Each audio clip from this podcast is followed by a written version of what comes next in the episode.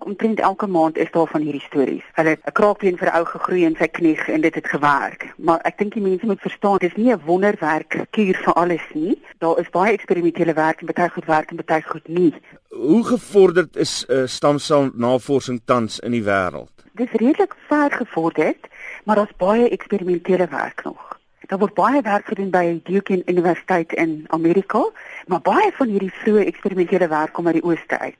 Hoe staan sake in Suid-Afrika met stamselnavorsing? In Suid-Afrika doen ons nie spesifieke navorsing of mense nog nie, maar al ons hoofuniversiteite soos die Kaap en die Universiteit Hospitale, hulle doen navorsing, maar ons het nog nie spesifieke studies op stamselle gedoen in Suid-Afrika nie. Watter wetgewing bestaan daar oor stamselnavorsing? Die wetgewing in Suid-Afrika gaan basies daaroor dat ons wil nie skade aanrig nie, nê. So die wet sê net jy kan nie eksperimentele werk doen nie. So dit moet 'n formele studie wees wat goedgekeur is. Is dit moontlik om te kan opsom wat stamselnavorsing behels? Ek dink wat mense moet onthou is dat alle stamselle is nie dieselfde nie. So jy kry bloedstamselle en jy kry ook dan mesenchymal stamselle wat dit is die stamselle wat al die weefsels groei en meeste van die navorsing word nou daarop gekonsentreer.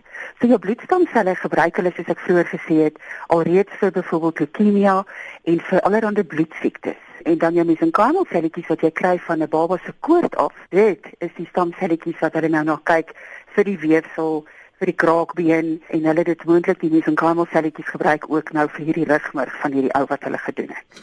Daar's heelwat godsdienstige en ander etiese besware wat uh, die navorsing kniehalter. Is dit al beter? Ek dink meeste mense onthou nog van die tyd wat hulle begin het met embryo stamselle en dit was daar so 'n wêreldprobleem en president Bush het byvoorbeeld gesê dit gaan nie toegelaat word nie.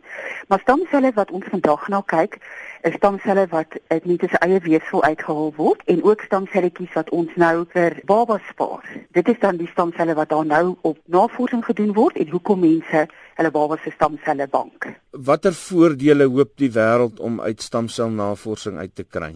Wêreldwyd word daar studies gedoen op Alzheimer, op cerebraalverlamheid vir kinders.